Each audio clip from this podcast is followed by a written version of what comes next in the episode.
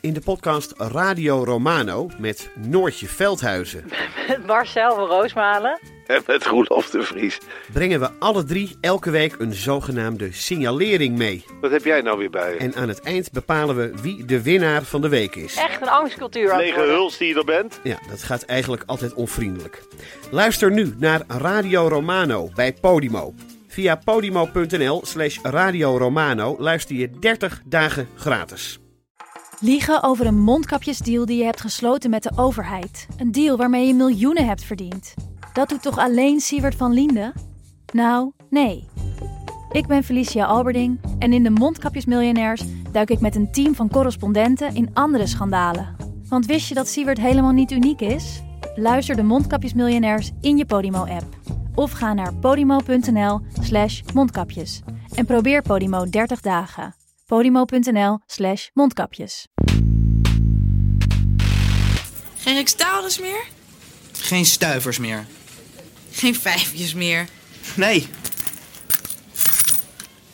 Waarom? Omdat we met twaalf landen in Europa hetzelfde geld krijgen. Ja, waarom? Omdat het makkelijker is.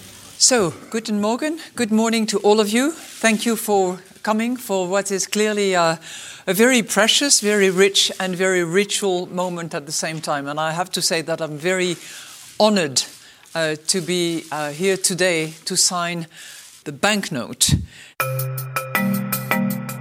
Dit is Betrouwbare Bronnen met Jaap Jansen.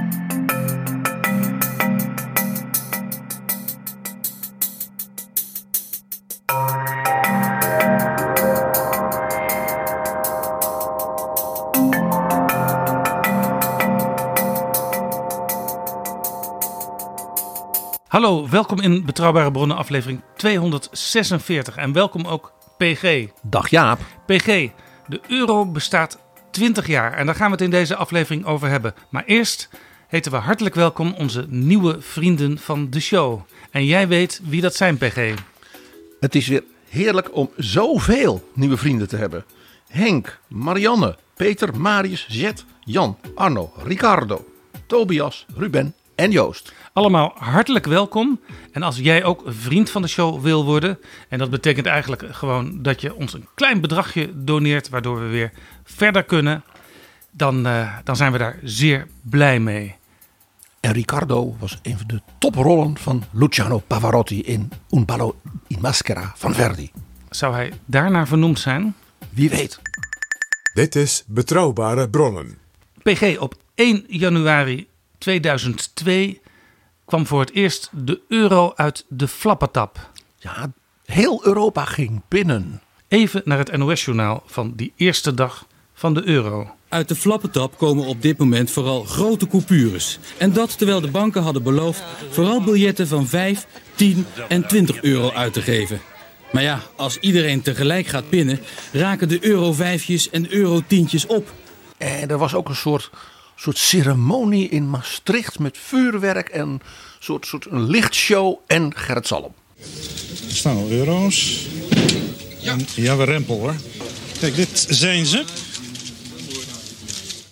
Tot nu toe hebben in Nederland bijna 2 miljoen mensen hun eurobiljetten gepind. Vrijwel nergens werden incidenten gemeld, zoals gezegd. Het was vandaag vooral wennen, wennen, wennen aan de nieuwe munt.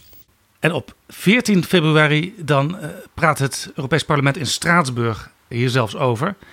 Voor ons is dat aanleiding, PG, om eens eh, wat nader naar de biljetten te gaan kijken. En dat dacht ook Christine Lagarde, de president van de Europese Centrale Bank. Eh, want zij zegt na 20 jaar moeten we eens overgaan tot een nieuw design van die biljetten. Ja, het design wat we nu hebben was bij die start natuurlijk politiek best lastig. Van wat doe je dan?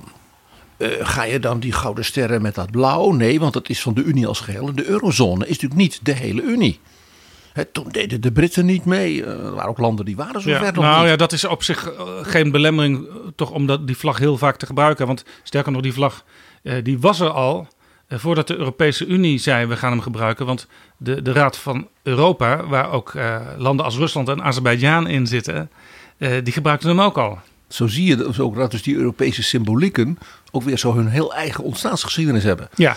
Die allereerste eh, eh, zeg maar decoraties had men zoiets van laten we wat tijdloze symbolische dingen. Dus men heeft bruggen hè, vanwege de verbinding tussen de volkeren. En men heeft vensters, geloof ik, Jaap. Het was gebaseerd op tijden en stijlen. Oh ja. En eh, ze hebben gekeken naar eh, ramen, deuren en bruggen. ik, ik moet dan altijd denken aan een constructiebedrijf. Maar, maar je hebt natuurlijk... De eh, BV Draghi. ramen, windows of oppo- opportunity, doorways. Nou ja, iets waar je door naar een toekomst De deur naar de toekomst. kunt lopen. En bruggen, ja, die zijn helemaal symbolisch. Hè. Je slaat een brug tussen landen en tussen elkaar. En de mensen die al in de jaren 50 argwanend waren tegen Europa, dat dat één groot Roomse samenzwering complot was, die kregen natuurlijk weer gelijk. Want een bruggenbouwer in het Latijn is een pontifex, de naam van de paus. Het was sowieso politiek ja, toch iets lastigs van wat zetten we er nou op. Dus al die, die, die bruggen en zo, dat, dat waren eigenlijk niet bestaande bruggen. Dus je kon niet zeggen, dit is die bekende brug van daar en daar. Want dan zouden de Fransen of de Italianen of weet ik wie, die zouden dan voorrang krijgen. de ja, zwaan- de, de, de, de, Rotterdamse brug die stond er dan niet op. En, en die van Calatrava en Sevilla niet. En, en de, de, de Pons Mulvius in Rome niet. Eigenlijk heel treurig, hè Jaap? Ja, en, en ze, ze, ze hadden ook maar acht bankbiljetten oorspronkelijk. Het zijn er nu zeven, want het biljet van 500 euro eh, dat wordt niet meer gebruikt. Maar het was dus no- nogal flats wat de ontwerper Robert Kalina uit Oostenrijk aanvankelijk maakte. En later is er nog een nieuwe serie gemaakt door Reinhold eh, Gerstetter uit eh, Berlijn. Maar dat was dus bewust flats. Dat Ja. was in feite een, een, een politieke besluit van, ik zal maar zeggen, Wim Duisenberg. Ja, het was, het was minder sprankelend dan de biljetten die Ootje Oxenaar voor Nederland maakte. We kennen natuurlijk van wat langer geleden eh, bijvoorbeeld Joost van der Vondel, Frans Hals, Zweelink, Spinoza. Ruiter, Spinoza inderdaad. Eh, en die prachtige vind ik zelf eh, van latere datum Zonnebloem, de Snip en de Vuurtoren. En die prachtige Franse biljetten met Hector Berlioz erop. Prachtig. Dus, dus we weten wel hoe het kan en we weten eigenlijk ook wel hoe het moet. Maar dat is door de Europese Centrale Bank niet gedaan 20 jaar geleden. Maar nu, Ja. Christine Lagarde durft. Lagarde zegt, we moeten toch wel nu eens iets gaan doen.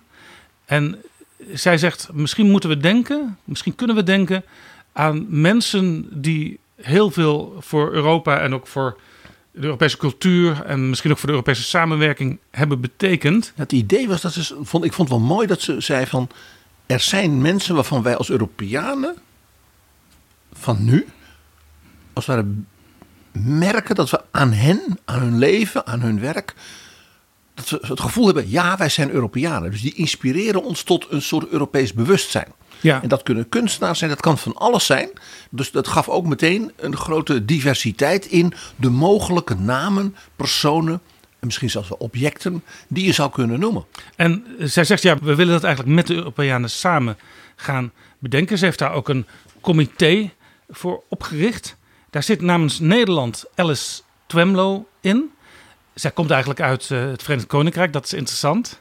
Brexit means Brexit. En ze geeft les in, in Amsterdam, in Leiden en in Den Haag. Want daar is ze lector aan de Koninklijke Academie. Dus het is zo wel een mevrouw met een bijzondere HBO-kunstachtergrond als de universitaire. Ja, haar specialisme is grafisch ontwerpen en visuele cultuur. En daar dan de theorie en sociologie van.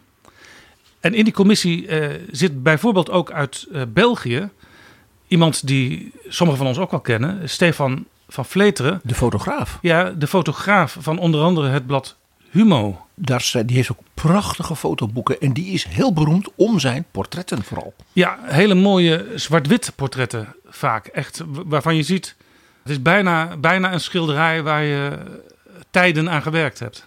Het, het, het is bijna zoals de Vlaamse primitieven van eeuwen geleden voor het eerst mensen gingen schilderen. Ja, Christine Lagarde die noemde ook twee voorbeelden hè, van mensen waar je aan zou kunnen denken.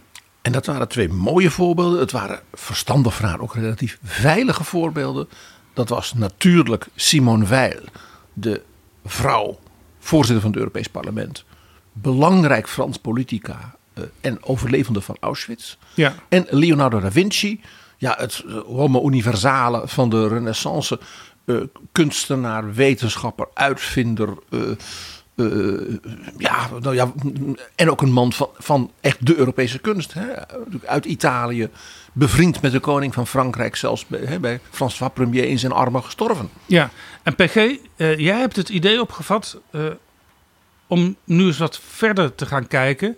En misschien ja, nog wat meer in categorieën te denken en daar dan ook namen bij te noemen.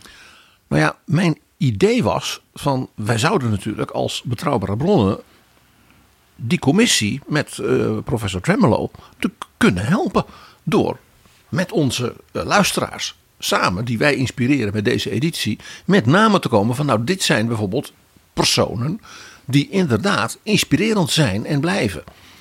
En ja, ik zat nog eens te denken Jaap van het idee was we hebben dan zeven biljetten en dan eh, zou je dus zeven mannen of vrouwen kunnen doen. Nou, dan heb je al het probleem: eh, vier vrouwen, drie mannen. Oh, gedoe, gedoe, gedoe. Dus ik dacht, je zou misschien ook, zelfs ter beveiliging van de euro, dat die nog, nog minder makkelijk is na te maken, te vervalsen, groepen kunnen maken. Dus je zegt, waarom doen we niet zeven nou, grote kunstenaars, bijvoorbeeld van de Renaissance, zeven grote dichters, zeven. Nou, en zo ontstond bij mij de gedachte van groeperingen. Waarbinnen je dan weer mannen en vrouwen met een heel bijzonder profiel kunt doen. Waarbij ook eigenlijk elk volk in Europa, niet alleen in de eurozone. Want de Europese beschaving is niet alleen de eurozone. Als het ware een plek kunt geven in dat geheel. Dus ook de grote Russische cultuur. Zeker natuurlijk ook onze, onze Britse vrienden. En nou ja, je hoeft niet in de eurozone of de EU te zitten om uniek te zijn en inspirerend voor de Europese beschaving. Daarmee ontpolitiek je het misschien ook een beetje, hè? Als, je, als je zelfs eh, grote Russen toelaat. Ja, ik kan mij als Europeaan gewoon niet voorstellen dat je niet met grote Russen uh, uh, ja, je laat inspireren. Of het nou Modest Mussorgsky is of Alexander Solzhenitsyn. Ze zullen, komen er bijna niet in, want Modest Mussorgsky stierf nog geen 40 aan de Korsakov. Dus dat is misschien niet helemaal ja, iemand kunt... erbij. Maar, maar, maar je, kijk, als je dus kijkt naar Europa, inspiratie, ja, en onze, on, onze, ja, de beschavingsidealen. Ja, dan kun je niet zeggen, ja, uh, Zweden of, of, Denemarken zit nu eenmaal er niet bij. Dus dan mag bijvoorbeeld Hans Christian Andersen er niet in. Nee. Zo moeten we niet denken. Nee, je kunt zelfs een stukje Turkije meenemen, het, het Europese deel. Tuurlijk. Constantinopel, Byzantium, nu Istanbul, was de hoofdstad van het Romeinse Rijk. Het idee alleen al dat je zou zeggen, ja, dat hoort er niet bij. PG, ik vrees dat die biljetten op deze manier veel te mooi en aantrekkelijk worden. En dat ze gespaard gaan worden, maar niet meer uitgegeven. Nou ja, wat je zelf zou kunnen doen, dat je dan gewoon zegt van ik wil, als ik dan mijn eurobiljetjes uitgeef, dan wil ik die eurobiljetjes van toneelschrijvers. Of ik wil de eurobiljetjes van, nou ja, nog een paar andere rubrieken waar, ja. waar ik straks mee en ga komen met jou. aan de muur hangen. En je kunt, je kunt ze zelfs inlijsten, bij wijze ja. van spreken. Ja, dat, nou, dat is trouwens nog, nog wel een dingetje wat me nu te binnen schiet. Uh, misschien is het ook wel de, de, laatste keer dat uh, biljetten ontworpen gaan worden. Want we gaan natuurlijk steeds meer op uh, digitaal geld wisselen over. Ja, wat is dat nou een buitengewoon platte gedachte? Natuurlijk blijven die er. Dat hoort bij die Europese geschiedenis en de manier waarop Europa economisch zich in de wereld heeft ontwikkeld. Het papiergeld. Dus dat zal er altijd blijven. PG, laten we even luisteren naar Alice Twemlow. Zoals zij op Radio 1 onlangs op 4 januari sprak over wat zij van plan is als lid van die commissie die de bankbiljetten opnieuw wil gaan ontwerpen. Want dat is natuurlijk wel een hele aparte klus voor zo'n lector-hoogleraar. Dat moet je toch toegeven, ja. I would also really, once Corona allows us to, really love to actually have a kind of debate here in the Netherlands, though. The, the designers will, will come into play later. Als dan uiteindelijk die thema's zijn bepaald, komt er een ontwerpwedstrijd. For getting the best possible designers on board. De beste ontwerpers moeten die thema's gaan vertalen naar concrete biljetten. To translate these themes into incredibly beautiful banknotes um, and perhaps digital components for, for our future. Dus iedereen aan de slag, laat je fantasie de vrije loop. So yes, let's let's get everyone round the kitchen tables. Let's then join the kitchen tables up. En kom met ideeën, zegt Twemlow. And get as many ideas as possible. We won't necessarily be able to use them all. We're going to have some very hectic notes otherwise. But we can get those ideas into the public domain. And who knows where that will lead. Dat was Alice Twemlow op NPO Radio 1 op 4 januari.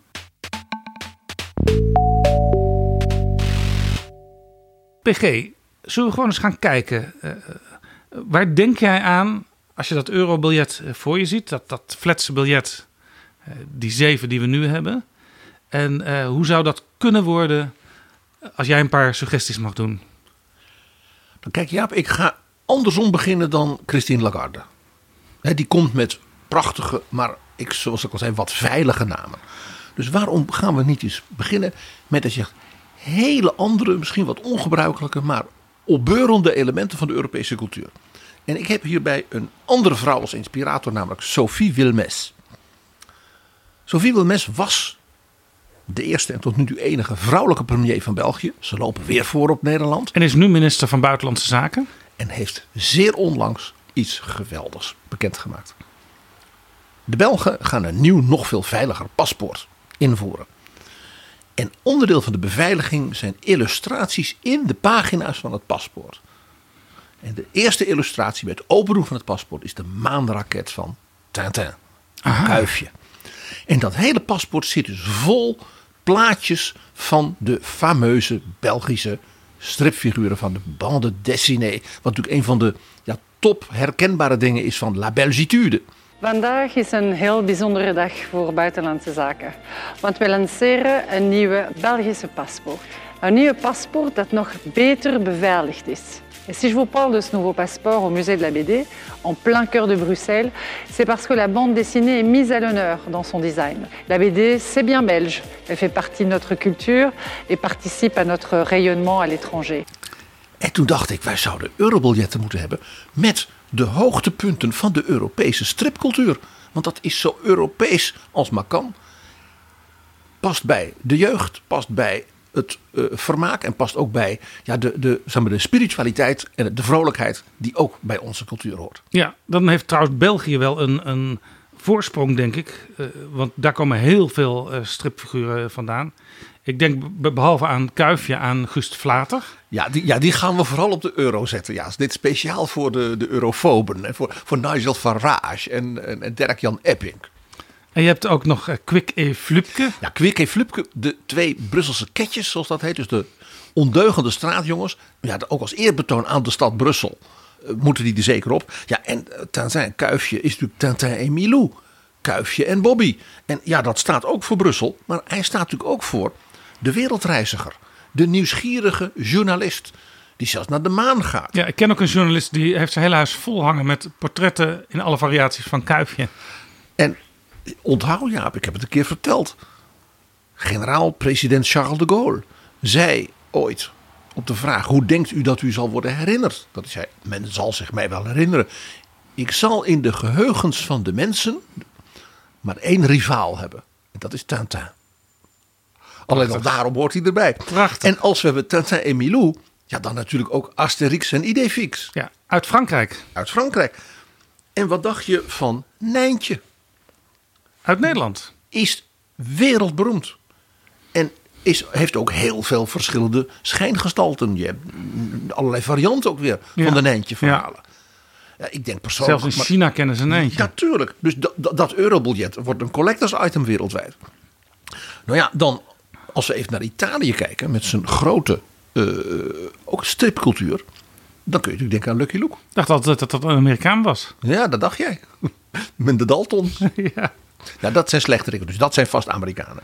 En ja, als Nederlander ga je dan toch een klein kaarsje branden voor Olly B. Bommel en Tom Poes. Kennen ze die dan ergens anders ook nog? Ach, ik weet ook niet of heel Nederland Kwik E. Flupke kent. Nou, zo zie je, ja, dit is gewoon een voorbeeld van dus een stukje van de Europese beschaving. Die je en visueel en ja, opbeurend kunt maken. Dus op die manier zouden we ook eens erover Ja, kunnen denken. dit is, een, eh, dit is een hele wilde variant, PG. Nou, wil de Belgische minister die haar paspoort daarmee presenteert. Een ander positief bericht is dat Buitenlandse Zaken de prijs van het nieuwe paspoort niet zal verhogen. Oui, les affaires étrangères n'augmenteront pas le prix de ce nouveau passeport. Il sera disponible dès le 7 février de cette année auprès de votre commune ou de votre poste consulaire. Dat was Sophie Wilmes over het nieuwe Belgische paspoort. Het is natuurlijk een, een Europees paspoort, maar landen mogen het zelf invullen.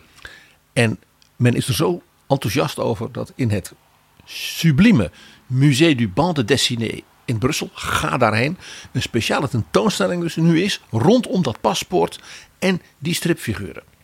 PG, dit is een hele wilde variant, zou je kunnen zeggen, die stripfiguren. Je kunt ook, ook wat veiliger denken. Hè? Denk maar bijvoorbeeld aan al die Europeanen die ooit eh, in aanmerking zijn gekomen voor de Nobelprijs voor de Vrede. Nou, vredestichters, dat past natuurlijk wel bij dat als brug naar die bruggen van de vorige eurobiljetten. Bruggenbouwers. Ja, ja, ik denk bijvoorbeeld aan Willy Brandt, de Duitse bondskanselier. Die heel belangrijk is ook voor de ontspanning die er uiteindelijk kwam tussen Oost en West. En daarmee dus ook een brug bouwde naar het Europa zoals het nu is. Waar al die landen toen onderdrukt in het Warschau-pact. Nu vrij in Europa meedoen. Ik denk ook aan de Finse president Martti Ahtisaari. Die als strijder voor mensenrechten en heel veel bemiddeling deed in conflicten. Als, men dan, als er dan in de wereld wat was, dan was het we gaan Ahtisaari maar weer vragen. En die wist dan altijd, dat was zeg maar een soort ultiem soort polderaar van Helsinki. Dus het is prachtig dat hij die prijs ook heeft gehad. En natuurlijk mag ik aandacht vragen voor mensen die heel erg zeg maar, symbolisch zijn voor het Europa van nu. En dat is het duo Aristide Briand en Gustav Stresemann. Dat is een tijdje geleden, hè? Jazeker, dat was de minister van Buitenlandse Zaken van Frankrijk en van Duitsland. Wanneer? Begin jaren twintig. Meteen na het verdrag van Versailles. En de, de, de diepe frustratie en ook ellende. En er is ook enorm gevochten in Duitsland, dat weet niet iedereen. De Belgen en de Fransen hebben bijvoorbeeld het Roergebied zelfs nog bezet. om Duitsland te dwingen tot herstelbetalingen. Allemaal narigheid. En deze twee ministers, dus van die landen die vaak met elkaar in conflict waren, Ja, en oorlogen, oorlogen, ja. die probeerden dus door samen te werken eh, ook hun, hun landen mee te krijgen en daarmee ook de Europese gedachte te bevorderen. En dat was dus vlak na het verdrag van Versailles, wat uiteindelijk voor Adolf Hitler en zijn trawanten eh, reden was om alles weer kort en klein te slaan. De dolkstootlegende, het verraad van Versailles en wat al niet. Maar deze twee ministers zeiden: als Frankrijk en Duitsland niet met elkaar tot verzoening kunnen komen, tot samenwerking. Waarbij Briand dus ook bereid was om, als het ware, verzachtingen, eventueel aanpassingen, wat natuurlijk in Frankrijk zeer omstreden was, van dat verdrag Versailles door te voeren. Die zei: we moeten met elkaar het gesprek zoeken, we moeten met elkaar vrede vinden, contacten ontwikkelen. En dat begint dus op het diplomatieke niveau. En dat werd zo eh, ja, gewaardeerd. Duitsland kon dus ook lid worden van de Volkenbond, bijvoorbeeld. Terwijl het als eh, ja, verliezer van de Eerste Wereldoorlog. Er was het idee van dat ze moesten gestraft worden. De Volkenbond was voor de winnaars. Het feit dat Frankrijk zei: nee, laat ze nou meepraten. Laat ze meedoen. Het is voor de dag van vandaag natuurlijk zo actueel als maar kan. En deze twee eh, politici van toen. die kregen dus ook toen in die jaren de Nobelprijs voor de Vrede. Ja, het is, het is, is dus ook heel educatief als je bijvoorbeeld deze twee op eh, het bankbiljet zou zetten. Eh, daar zou je bij wijze van spreken in groep 8 met de leerlingen over kunnen praten. Ja, de, de, de, de eurobiljetten in mijn manier van denken zijn ook een soort kanon.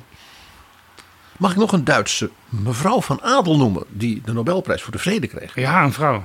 Beate von Zoetner. Zij was een groot activiste voor vrouwenrechten en vooral voor ontwapening. En dat in de jaren nog voor de Eerste Wereldoorlog.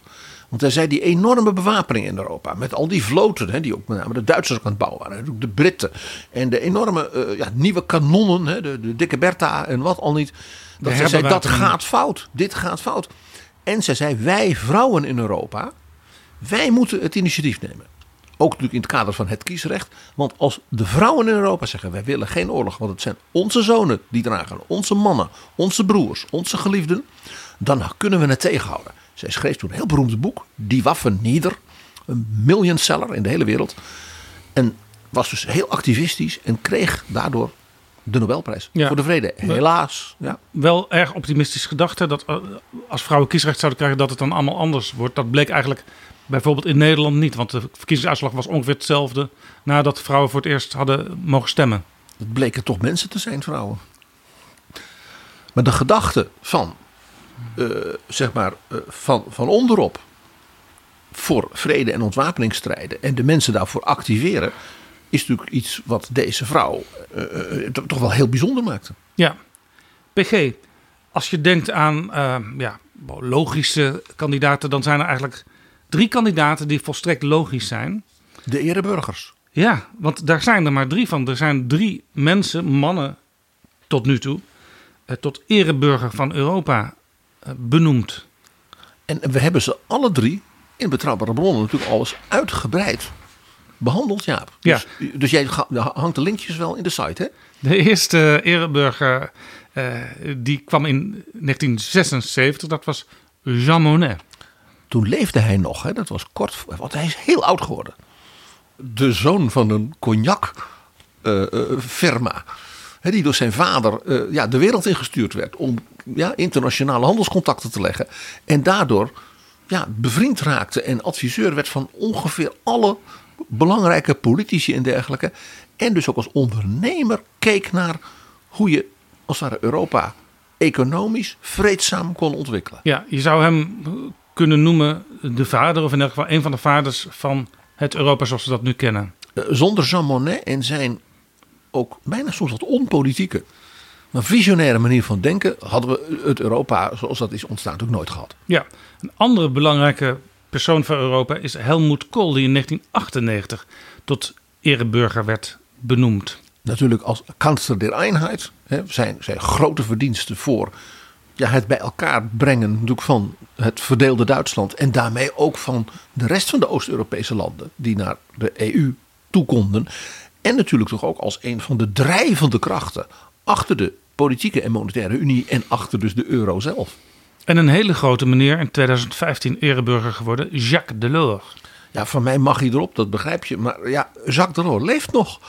Ja, maar dat is het kenmerk van, van ereburgers. Hè? Dat ze eh, bij het leven tot ereburger worden benoemd. Maar ja, of om nou bij het leven al op de eurobiljet te, komen, is ook weer zo. Maar ja, Delors is nu 96. En ik heb onlangs weer een heel groot interview met hem gelezen. Met een aantal kranten uit Zwitserland en Frankrijk. Die hij ontving ja, op zijn, in Parijs. Waarbij hij uitvoerig inging op Europa na corona. En hoe dat reddingsfonds moest werken.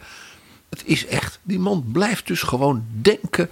Eh, vooruitstrevend denken, naar de toekomst kijken. En dat is natuurlijk wel over inspirerend gesproken. Ja, het is, het is trouwens niet taboe hè, dat een levend iemand met de munt vereenzelvigd wordt. Want de koning staat ook op eh, de coins. Als Willem-Alexander mag, dan mag Jacques ook. Ja. Dames en heren, goedenavond. Om te beginnen een gelukkig nieuwjaar namens ons allen. En wat de euro betreft kan dit jaar al bijna niet meer stuk, want hier geldt geen nieuws, goed nieuws. De introductie van de euro is zo soepel verlopen dat minister Zalm van Financiën en president Wellink van de Nederlandse Bank opgetogen konden melden dat er niets te melden viel. De gemoedstoestand in de twaalf landen van de eurozone wordt zelfs omschreven als euroforisch, omdat de nieuwe munt overal met groot enthousiasme uit de flappetappen werd geplukt.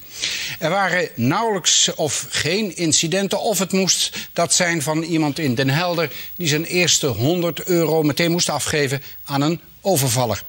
Dat temperde geenszins de euroforische geestdrift van de president van de Nederlandse Bank. Eigenlijk is het beeld overal hetzelfde als uh, op dit moment in, uh, in Nederland. Het gaat, overal, het gaat overal goed, waarbij ik toch niet uitsluit uh, dat een eerdere stelling van mijn kant dat wij Europees kampioen worden, dat die stelling toch nog steeds gerealiseerd zal worden. Het gaat overal goed, het gaat hier iets beter dan, dan elders. En, en degene die Europees kampioen wordt, wordt natuurlijk tegelijkertijd wereldkampioen. Dat is.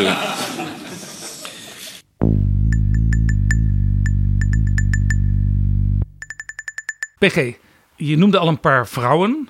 Zeker. Uh, je kunt ook naar vrouwen als categorie kijken, maar misschien is ook dat wel iets wat we voor het laatst dan uh, moeten doen. Uh, omdat het natuurlijk steeds gebruikelijker en normaler wordt dat vrouwen op alle niveaus meetellen en meedoen en niet vergeten worden. Dat zal je ook zien in die verschillende rubrieken waar ik aan heb zitten denken. Dat je altijd weer hele bijzondere vrouwen tegenkomt. Maar, Maar- kijk je naar het verleden, dan is natuurlijk toch het beeld van kunst en macht en politiek natuurlijk in hoge mate gedomineerd geweest door mannen. Ja, en je zou ook wel kunnen zeggen dat, dat we nu in de jaren leven waarin eh, eh, vrouwen echt doorbreken. Kijk maar naar de samenstelling van het nieuwe Nederlandse kabinet. En De, helft Europese, vrouwen. de Europese Commissie, de Europese Centrale Bank. Zowel de Commissie als de bank worden nu geleid door eh, pittige dames. Om geen ander woord te en, en het wordt ook steeds gewoner in de politiek. De meeste eh, Tweede Kamerfracties bijvoorbeeld bestaan voor de helft uit, uit vrouwen, de helft uit mannen. Dus op een gegeven moment valt dat verschil weg. Maar juist in deze jaren waarin die doorbraak plaatsvindt, is het misschien wel belangrijk om vrouwen nog even extra te noemen. Nou, vooral dus die vrouwen waarvan je zegt, in een tijd dat dat dus niet zo voor de hand lag, was het dus des te ja, inspirerender voor dus de Europeanen van nu, dus in die idee van Lagarde, om te zeggen, maar die vrouw, zet die even zeg maar, in het zonnetje of op zo'n biljet. Want Ja. die was een wat, een, wat de Amerikanen zo mooi noemen, een trailblazer. Christine Lagarde noemde zelf natuurlijk al Simone Veil, die wij ook al eens besproken hebben in Betrouwbare Bronnen. Die is hors concours, zoals de Fransen mooi zeggen. Maar wat was de allereerste vrouw in het Europees Parlement bij de start? Was er maar één vrouw. Dat was de Nederlandse Marga Klompé, eh, Kamerlid van de Katholieke Volkspartij. Het Europees Parlement bestond toen nog uit, uit Kamerleden. Ehm, en zij stond ook echt voor die Europese samenwerking. Eh, wat er is later wel eens wat, wat, wat gezwabberd, eh, zeg maar, door de opvolger van de KVP, het CDA, met Europa.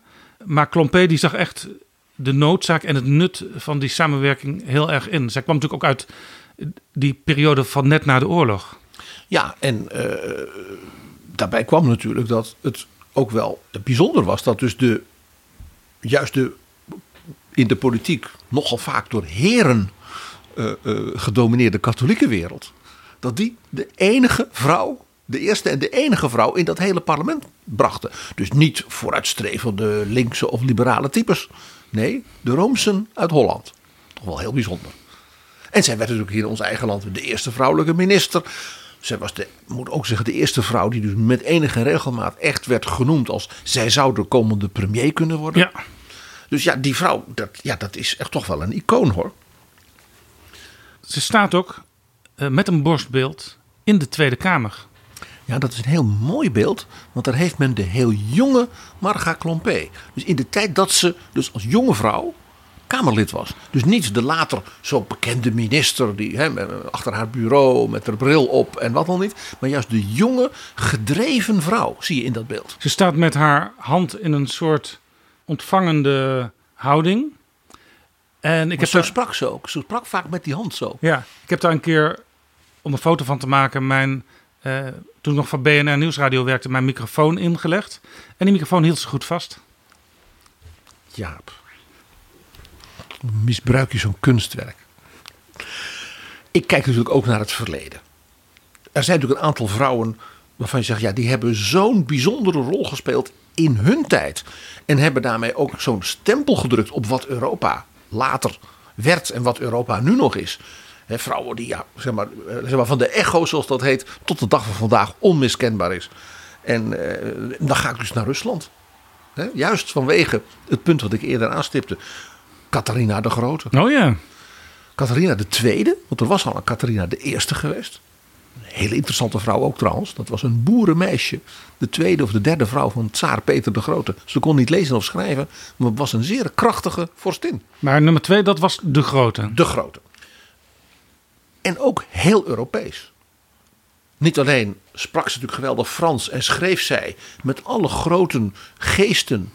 Mensen als Montesquieu, Diderot, die is zelfs uitgebreid bij haar in Sint-Petersburg geweest. En ze heeft hem van de armoe gered door zijn bibliotheek te kopen en hem vervolgens weer terug te geven. Maar zij was natuurlijk een prinsesje uit Anhalt-Zerbst. Nou, een kleiner vorstendom in Duitsland kun je bijna niet vinden. Maar ja, haar moeder was een nichtje van koning Frederik de Grote van Pruisen. En zo werd zij dus uitgehuwelijkt aan de kroonprins van Rusland. Nou, zodra hij op de troon kwam, heeft ze ervoor gezorgd dat hij het mes aanliep met zijn keel van een van haar minnaars. Ja. En ze is nog diezelfde dag gekroond door de patriarch. Zij is, dus Sarina. i- zij is dus iemand waar ook hedendaagse politici eh, in verschillende opzichten een voorbeeld aan zouden kunnen nemen. je kunt van Catharina de Grote heel veel leren. Onder andere natuurlijk haar ongelofelijke drive. Want dat, hè, als je zo'n prinsesje van 15 uit zo'n mini-dorpje bent, Zerpst. En je komt daar in dat enorme Sint-Petersburg. En jij denkt, ik ga naar de troon.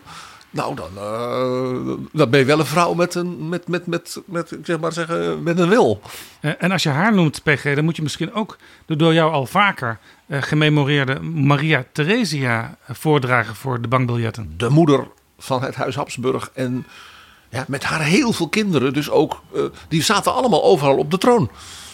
En Maria Theresia was natuurlijk ook zo'n vrouw die toen haar vader stierf. De gedachte dat zij het zou overnemen. Lag volstrekt niet voor de hand. Er werd van alle kanten door mannen geprobeerd haar opzij te zetten. En hele delen van haar provincies in te pakken. Waaronder bijvoorbeeld die Frederik de Grote. Die dacht, dat Silesië, dat is nu van mij. Dus die viel gewoon met zijn troepen in. Maar Maria- Theresia hoort hier zeker bij. En in het kader van Brexit means Brexit, natuurlijk. Die prinses uit het huis Tudor, waarvan de moeder nog was onthoofd door haar vader. En Boleyn, Elisabeth. Elizabeth I. Elizabeth I, de Virgin Queen, ook wel genoemd Gloriana. Kijk, zij is natuurlijk toch de grondlegger van dat wereldrijk, dat empire. Dat nog onder haar vader, Hendrik VIII, was Engeland een beetje aan de rand van Europa. Er was een hoop water en die, die, die, die, die landen, die continentale machten. eh, Dat Spaanse wereldrijk, de Habsburgers. Die zagen Engeland niet zo heel erg zitten hoor. Dat zou ook wel een mooi idee Maar zijn. Elisabeth Ja. maakte dus maakte Engeland ook. zou een mooi idee zijn, PG, om, om, om haar op de banknotes te zetten. Eh, dat helpt misschien ook de Britten om op hun schreden terug te keren. En eh, via die bankbiljetten uiteindelijk weer in de Europese Unie te willen. De, de Liberals die willen dat. En de Labour Party onder leiding van Keir Starmer, een nieuwe leider, die hebben ook eh, erg spijt van die Brexit die door Boris Johnson en zijn mensen is doorgezet. Ja, en de jongeren in Engeland, als je kijkt naar de peilingen, in enorme mate. Maar ja, hadden ze dan maar moeten gaan stemmen, de jongeren. Ik ben op dat punt streng, zoals je weet. Ja, maar een mooie ironie van de geschiedenis: Elizabeth I op de bankbiljetten. Eh, Ik, ik, ik kom straks met nog wel een paar Engelse namen. We gaan, je zou bijna een soort Engelands selectie kunnen gaan maken, zodat de Britten hun eigen euro's hebben. Er is al 15 miljard gulden aan bankbiljetten ingeleverd. Nog voor 23 miljard gulden te gaan. Er zitten nog 1,6 miljard gulden muntjes in portemonnees en zo. Gladheid veroorzaakt vertraging voor de omschakeling van de automaten van de Frieslandbank. Alle Portugese kindjes die vandaag geboren worden, krijgen 50 euro op hun baby-giro-rekeningetje. En in een Italiaans dorp hebben Italiaanse koekenbakkers een megataart gebakken in de vorm van een eurobiljet. Het recept: duizenden liters melk, 20.000 eieren, 600 kilo suiker en bijna een ton boter. En zo helpt de euro al op zijn eerste dag Europa van een groot deel van zijn melkplas en boterberg af. PG, vaak als landen bankbiljetten kleur willen geven, eh, dan kijken ze naar mensen uit de cultuur. De nationale grote namen. Hè? Zoals bij ons Zweelink, Frans Hals. Voor Europa eh, heb je dan natuurlijk, om het eens goed te zeggen, een meraboir. En tegelijk is dat lastig, want ja, zeven namen.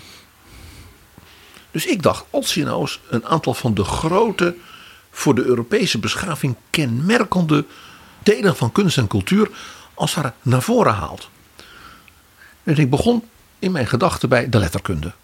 En toen dacht ik, oh ja, proza, poëzie, toneel. Dan kun je dus ook de, de, de heel verschillende schrijvers, schrijfsters en ook heel verschillende talen en culturen en landen en volkeren natuurlijk naar voren laten halen. Zullen we eens beginnen met proza? Ja. Ja, dan denk ik onmiddellijk aan Praag. Aan Kafka. Frans Kafka. Kafka. Ja, na- natuurlijk moet Frans Kafka ja, in vele opzichten de belangrijkste, grootste schrijver van de 20e eeuw. Ja, we hebben hem uitgebreid besproken in eh Betrouwbare Bronnen 70. En een generatiegenoot van Frans Kafka, maar dan in Parijs. eh, die dit jaar natuurlijk groots wordt herdacht. Marcel Proust. À la recherche du temps perdu. Ja, natuurlijk een, een, ook een, een, een, een auteur van, van, van ja, wereldformaat. En net als Kafka ook jong gestorven. Maar niet vergeten. En dan natuurlijk. Ik ga naar het begin van de 19e eeuw. In Engeland. Jane Austen. Haar romans ja, maakten een nieuw type roman. Waarin dus het gevoelsleven ook van vrouwen. Maar ook haar licht ironische. Ja, maar ook wel liefdevolle manier waarop zij de kleinsteedse, dorpse, uh, uh, burgerlijke wereld van die tijd, die toen in die tijd opkwam, beschreef. Uh, en ook de sociale mobiliteit van die tijd. Soms met een glimlach, ja, beschreef. Die romans hebben ja, school gemaakt voor een bepaald soort nieuw type romans waarin zowel de innerlijkheid van mensen als de sociale omgeving en veranderingen van mensen als aan de orde kwamen. Met een soort fijne Britse ironie. Ja, ja dus, dus een, een, een element, een, een kenmerk kan zijn van namen die we voordragen.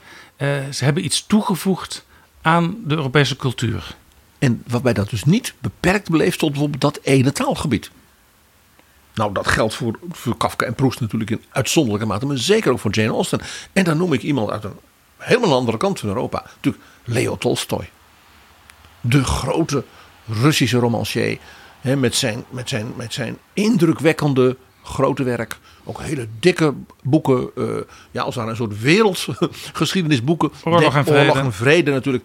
Kijk, als je een boek over de tijd van Napoleon. Maar ook over het Rusland van die tijd. Uh, wilt, wilt, wilt lezen. Ja, dit is natuurlijk de roman. En natuurlijk een beroemde opera van Prokofjev ook. En denk eens aan Anna Karenina. Een roman over het lot. En ook tragische lot van een vrouw in de liefde. Nou, daarnaast natuurlijk een heleboel andere werken. Maar alleen al deze twee noemen, dan zeg je ja, natuurlijk Tolstoy. Tuurlijk. En misschien zou je ook uh, kunnen denken aan James Joyce, de Ier. Natuurlijk. Een, een man die voor de moderne letterkunde van de 20e eeuw natuurlijk van enorme betekenis is geweest. En niet alleen in Europa. En overigens, hij heeft natuurlijk heel lang in Zurich gewoond. En ik noem natuurlijk heel even Thomas Mann. zonder hem kan dat natuurlijk niet. Die, behalve natuurlijk in München, ook een vluchteling was in Zurich. Een vluchteling was in Princeton. Aan het instituut waar Robert Dijkgraaf de directeur van was later. En later in uh, Pacific Palisades bij Malibu. En weer terugging naar Europa. En, en, en ja, worstelde ook met de Duitse geschiedenis en de Duitse cultuur. Hè? Wo ich bin, is Duitsland. Ja, en iemand die eigenlijk de hele uh, vorige eeuw heeft uh, omspannen, Marguerite Jursenaar, zou je misschien ook aan kunnen denken. Marguerite Jursenaar, zonder enige twijfel, uh, een, een, een van de grote romanciers en een meisje uit de adel van België. Alleen in Frankrijk, ja, in de literatuur natuurlijk vooral groot geworden, was ook de eerste vrouw, geloof ik, die lid werd van de Académie Française. En wat zo interessant is, zij woonde helemaal niet in Europa. Ze woonde op een eilandje voor de kust van de Verenigde Staten en Canada. Haar romans gaan dan weer over hele bijzondere momenten in met name de Europese geschiedenis en de Europese cultuur. Die spelen in het Vlaanderen van de 15e, 16e eeuw. En natuurlijk haar beroemde roman Mémoire d'Adrien de gedenkschriften van keizer Hadrianus van Rome. Zij, zij, zij, zij, dook zoals het ware in die persoon. Wat voor boek zou hij geschreven hebben over zijn leven? Ja, Jursenaar hoort erbij. Margriet uh, Jursenaar heeft trouwens de Erasmusprijs ooit gekregen. Dat is een Nederlandse prijs, ooit door prins Bernhard ingesteld. Ik denk dat prins Bernhard alle boeken van Jursenaar in het Frans onmiddellijk las als ze uitkwamen. En die Erasmusprijs, daar staan trouwens ook heel veel uh, bruikbare Europese namen op. Weet je trouwens uh, wie of wat de eerste laureaat was van de Erasmusprijs in 1958? Het Oostenrijkse volk vanwege het later herleven van Wenen en Salzburg als Europese culturele centra. Het Oostenrijkse volk. Nou, ik, we moeten maar geen volker op de eurobiljetten zetten. Want voor je het weet wil Sebastian Kurz ook nog met zijn hoofd op de eurobiljet. Ja, dat is ook een gebed zonder end zou je misschien met Marga Klompeek kunnen zeggen. Zoiets, ja. Uh, maar dit was proza. En dan zag je al hoeveel boeiende vrouwen, mannen en culturen en tijdperken. Ja, je op die manier als het ware kunt, kunt, als inspiratie kunt, kunt laten zien. Wat dacht je dan van poëzie? Wat natuurlijk ook een zeer ja, rijke Europese geschiedenis heeft. Met alle mogelijke ook weer vrouwen en mannen. Kom je natuurlijk als je, als je uh, ook aan de Russen denkt, uh, onmiddellijk ook terecht bij Alexander Pushkin. Natuurlijk. Nat Pushkin die bovendien, uh, wist je dat hij iets met Nederland had? Vertel. Hij is vermoord in een duel door de adoptiefzoon van de Nederlandse ambassadeur in Sint-Petersburg. Oh. Die deed het namelijk met zijn vrouw. Die het overigens ook met de tsaar deed. Tsaar Nicolaas I, daar is hij weer. En die was geadopteerd door die Nederlandse baron omdat hij ook zijn gunsten aan heren wel wilde geven. En dit was in toenmalige Sint-Petersburg een manier om een mooie jongen als het ware in huis te hebben. Dan adopteerde je hem. Dus deze Franse officier van de garde van de keizer was een hele aparte meneer. En hij is later, uh, hij is dus door de tsaar Rusland uitgetrapt na die moord op deze, ja, de nationale dichter. Uh, en is overigens daarna in de Franse politiek ook nog hoog geworden. Dat zou trouwens nog een aparte categorie kunnen zijn, uh, PG. Geheime liefdes. Geheime liefdes of moordenaars. maar goed, Pushkin dus. Heb je nog meer namen? Mag ik dan nog een Rus noemen? Een Russin. Nou, ook de dichteres Anna Akhmatova. Die natuurlijk de tolk is geweest van de angsten, de, de, de onderdrukking uh, in de Stalin-tijd. En ook zelf zeer is vervolgd, maar als dichteres van, van eenza op eenzame hoogte. Afkomstig uit Odessa. Ja, en dus Oekraïne. Ja, dan ga ik natuurlijk onmiddellijk weer naar Praag. Rainer Maria Rilke. Die in het Duits dichtte, zoals ook Kafka in het Duits schreef. Maar wel uit Praag was. En natuurlijk voor de hele Duitsstalige wereld, maar ook voor Frankrijk van grote betekenis is geweest als dichter. Want hij was een groot bewonderaar en promotor van het werk van Auguste Rodin, de beeldhouwer. Over wie hij ook prachtig heeft geschreven. Zou je Joost van der Vondel van de Grijsbrecht er ook bij, bij kunnen noemen? Uh, ik weet dat uh, hij is geboren in Keulen, maar zijn ouders kwamen uit Antwerpen. En uh, hij woonde natuurlijk zelf lang in Amsterdam op het adres Warmoestraat 39. Ons, de prins onze dichters. Lid van de Muiderkring.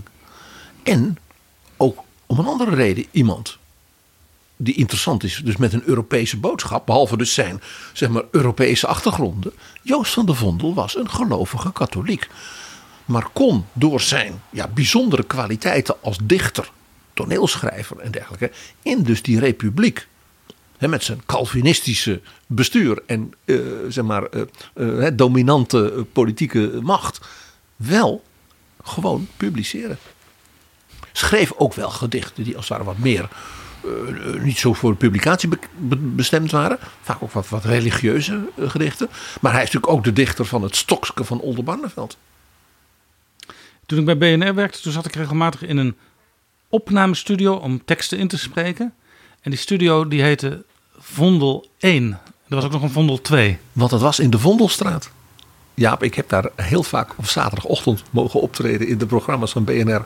Als er dan iemand uit Den Haag wilde hebben die bereid was om s morgens heel vroeg met de trein naar Amsterdam te komen. om dan vanaf 9 uur, half tien uh, discussie te voeren. Ik heb daar de beste herinneringen aan. En zelfs toen BNR al bij het Amstelstation gevestigd was, toen hadden ze nog steeds die studionamen Vondel 1, Vondel 2. Hij moest dus weten, de prins der dichters. Nou, zo, je hoort al poëzie. Ja, onmiddellijk uh, boeiende mensen, boeiende achtergronden. En ook dus Europees, niet alleen maar uit EU-landen. Dat geldt ook voor dat andere grote ding van onze letterkunde, toneel. Ja. Ik ga dat misschien wel de alleroudste die we op een biljet zouden kunnen krijgen. Dat is natuurlijk Aeschylus. De man die de, de, de basis legde voor de Griekse tragedie. De zoon van Euphorion. Kijk, van de Oresteia. Nou, hoeveel toneelstukken, films, opera uh, en andere dingen zijn niet gebouwd op het werk van Aeschylus. Het verhaal over Orestes.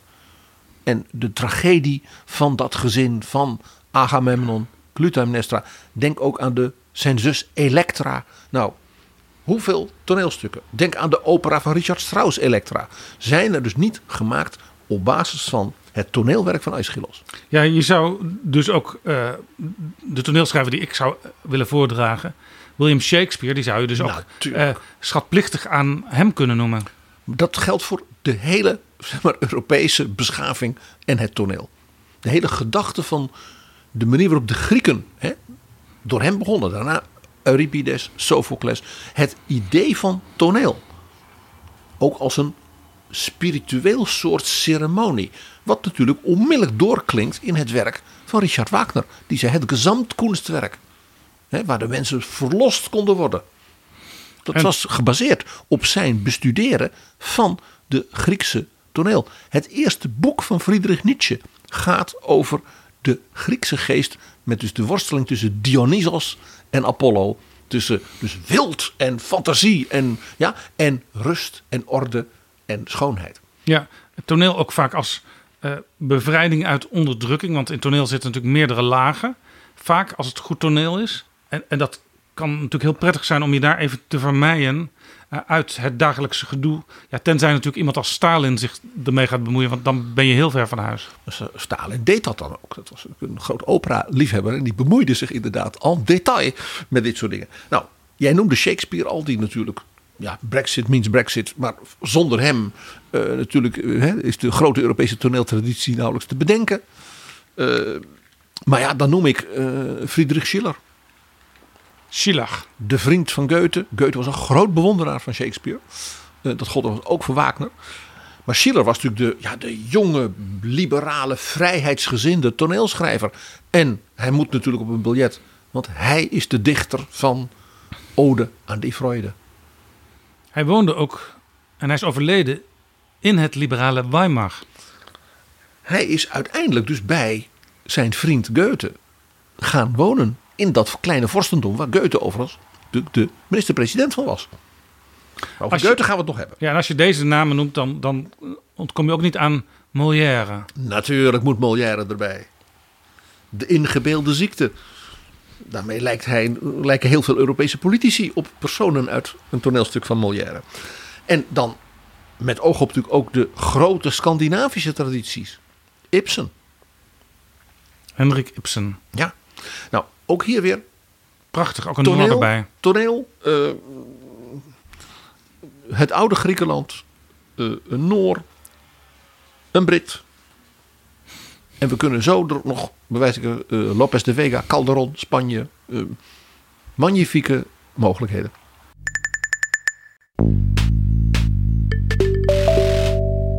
Dit is Betrouwbare Bronnen, een podcast met betrouwbare bronnen.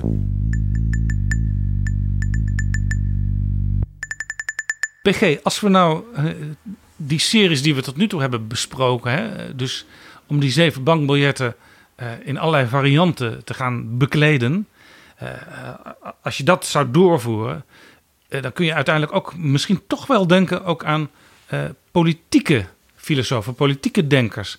Eh, want als er zoveel variatie is, dan hoef je daar je nek ook niet meer over te breken, denk ik. Nee, want dan kun je in mijn idee ook zeggen, ja, het denken over de samenleving, over de politiek, over de economie, over ja, hoe gaan mensen met elkaar om, en ook over hoe moet Europa zich ontwikkelen. Eh, dat, ja, dat hoort bij die Europese beschaving. Dat is een onderdeel van de Europese identiteit. Eh, ik noem gewoon maar meteen een Fransman, Montesquieu. Niet alleen dus eh, briefgenoot van Catharina de Grote. Dan zie je dat ook de verbindingen tussen die mensen ook weer zo leuk zijn. Maar natuurlijk zijn kerngedachte van de trias politica is natuurlijk de basis van de moderne democratische rechtsstaat geworden. Ja, ja. En ook iets wat soms wel vergeten wordt in alle dagelijkse eh, politieke gedoetjes. We hebben ook nog dat grote idee van de trias politica, van de checks and balances. Ja. Om te voorkomen dat te veel macht in handen van één groep ligt. Of van één persoon, want dat speelde natuurlijk in de 18e eeuw. Toen Montesquieu met die ideeën kwam. Net als Condorcet en Rousseau en Voltaire. Dus die Ja. hele verlichtingsfilosofie. Of zelfs Dat we dat ancien regime met die koning. En ongetwijfeld zal die koning nobele bedoelingen hebben. Maar als de, de, de, in die tijd dus de, de middenklasse, de, ge- de gestudeerde, geletterde, gewone mensen. Onderdanen zijn in feite halve lijfeigenen. Zo kun je een samenleving niet opbouwen. En dat vereist dus dat die vorst gecontroleerd wordt. Dus een executieve, want dat is een vorst, is, mag er zijn, moet er zijn. Ze waren helemaal niet tegen koning Lodewijk XVI. was een brave rik bovendien. Maar dan moest er wel het volk, de mensen moesten kunnen meepraten. Het parlement. Hè. En ja, de rechtspraak moest dus gebaseerd zijn op rechtsbeginselen. En niet op de ja, grillen van de vorst of van zijn zetbaasjes. En je moet ook voorkomen dat te veel macht ligt, en dat klinkt dan misschien een beetje filosofisch, in handen van één tijdperk. Daarom heb je ook vaak parlementen die uit twee kamers bestaan en die niet op hetzelfde moment gekozen worden.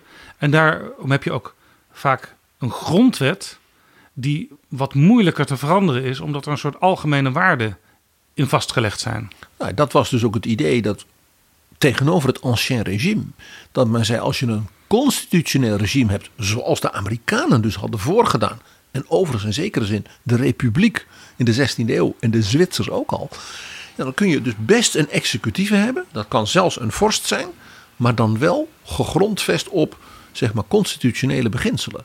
Ja, en als je dan bij, bij Montesquieu begint, dan, dan kom je op een bepaald moment ook aan bij Tocqueville. Die natuurlijk enorm heeft nagedacht over democratie en over consequenties van democratisch denken. Alexis de Tocqueville is daarom zo interessant. Omdat hij eerst waren in de fase na Montesquieu en na die Franse revolutie en Napoleon. als jonge edelman dacht van wat is hier nou zo verschrikkelijk fout gegaan in Europa. En met name dus in Frankrijk. Ja, moorddadige bloeddorst onder het mom van vrijheid en hè, droit de l'homme en les citoyens. En daar ging de guillotine. Onder andere dus ook voor zijn familie, want hij was van adel. En in plaats van dat hij dus reactionair zei van dan gaan we de repressie terugbrengen, zei hij ik ga kijken waar dat wel is gelukt. In Amerika. En hij ging dus als twintiger, Franse edelman, rondreizen in al die dorpjes in die steden in Amerika en praten met mensen van hoe werkt zo'n democratie? Wat heb je daarvoor nodig? Hij ontdekte dus wat wij noemen de civil society als een verschijnsel dat een soort eigen rol ging vervullen. Wat in Europa, mede doordat dat vaak in handen was van de kerk, zeker in Frankrijk, dus zo niet speelde als in Amerika, dat dat vrijwilligers waren van onderop. Dus de Tocqueville ging toen dus daarover schrijven en vervolgens nadenken over wat leren wij hier voor Europa nu van. Dus Tocqueville is ook, zou je kunnen zeggen, een, een soort vroege denker eh, die het poldermodel al in zijn hoofd had. Ja, het maatschappelijk overleg. Uh, uh, waarbij hij ook af en toe wel glimlachte op de Amerikanen. Bijvoorbeeld de, de drankbestrijding hè, als groot maatschappelijk iets, vooral vanuit vrome vrouwen georganiseerd. Ja, dat vond hij als Franse edelman natuurlijk een beetje mal. Ja. PG, als je het hebt over politieke denkers die Europa inspireren, dan, dan is één naam heel voor de hand liggend, denk ik. Er is zelfs een, een, een dag naar hem genoemd die jaarlijks gevierd wordt. Dat is de Dag van Europa, maar eh, die heet ook wel Schumandag. Robert Schuman. Het plein uh, in Brussel, Place in het hart, Schumann. is het rond-point Schuman. Dat is een rond-point. Ze zijn weer bezig, Jaap, een nieuw design te maken. Want uh, in de tijd dat ik in Brussel woonde en werkte, en dat was in een straatje even achter het rond-point Schuman. Het was een dump. Uh, als het geregend had, dan lag er drie dagen lag er modder. Uh, men is er nooit in geslaagd dat nou echt ja, daar wat van te maken. Het was echt nou ja, in zo'n flatbuurt met allemaal kantoren. Uh, en daar was dan deze rotonde. En die werd dan naar hem vernoemd. Maar men heeft nooit een. Nou ja, net als dus met die eurobiljetten. Ja, we moeten iets symbolisch doen. Maar ja, mm, niet, we moeten geen politiek gedoe over krijgen. Men is dus nu weer bezig het romp van Schuman herin te richten. Ja, ik zou ook nog kunnen denken aan iemand uh, waar het liberalisme inspiratie uit had. Karl Popper. Popper, zeker. als je het over liberalisme hebt, dan kun je misschien ook nog Karl Marx noemen aan de andere kant. De twee Karls. Karl Marx eh, gaat natuurlijk op dit moment in een soort renaissance. Mede dankzij de ondergang van het communisme in Oost-Europa. Ja, dus je zou in zekere zin de, uh, de rommel eraf kunnen vegen. En dan kom je terug bij het oerdenken van Karl Marx. En ook de mens Marx. Marx geboren, Joodse jongen, in Trier in Duitsland. Woonde in Brussel, woonde in Parijs, woonde en is begraven in Londen. We gaan, Jaap, in Betrouwbare Bronnen dit jaar een speciale Marx-editie doen. Want het is precies 150 jaar geleden. 1872, dat hij de belangrijkste man en spreker was op het grote congres van de communistische beweging in Europa in Den Haag. En dat was een van de belangrijke momenten in zeg maar, de, de wording van het Europees socialisme. Den Haag, 1872, Karl Marx. En Marx is, hoe je het went of keert, en je kunt dus wat Lenin en, en Stalin en Pol Pot er allemaal van gemaakt hebben. Nou, daar zijn we gelukkig in zekere zin vanaf. Op een paar plekjes in de wereld na. Maar zijn kernanalyse, zijn proberen dus de wereld te begrijpen als econoom, als politiek denker, is van een ongelooflijke ook originaliteit. En daarmee dus ook voor nou, onze tijd van globalisering en de kredietcrisis en wat we allemaal hebben gehad, heel erg belangrijk en de moeite waard. BG, je noemde straks Elizabeth I. Zeker. Maar als je de Britten zou willen helpen op hun schreden terug te keren en toch weer in de Europese vriendschap zich te nestelen, dan zou je misschien ook wel kunnen denken, het is misschien een beetje ondeugend, aan Margaret Thatcher. Ja, ik ben voor Margaret Thatcher op de eurobiljetten. Uh, zullen we even naar haar luisteren wat zij daar zelf van vond in het lagerhuis? Nee, nee, nee. Of course, the chairman or the president of the commission, Mr. Delors, said at press conference the other day that he wanted the European Parliament to be the democratic body of the community. He wanted the commission to be the executive, and he wanted the council of ministers to be the Senate. No, no, no. Or, or.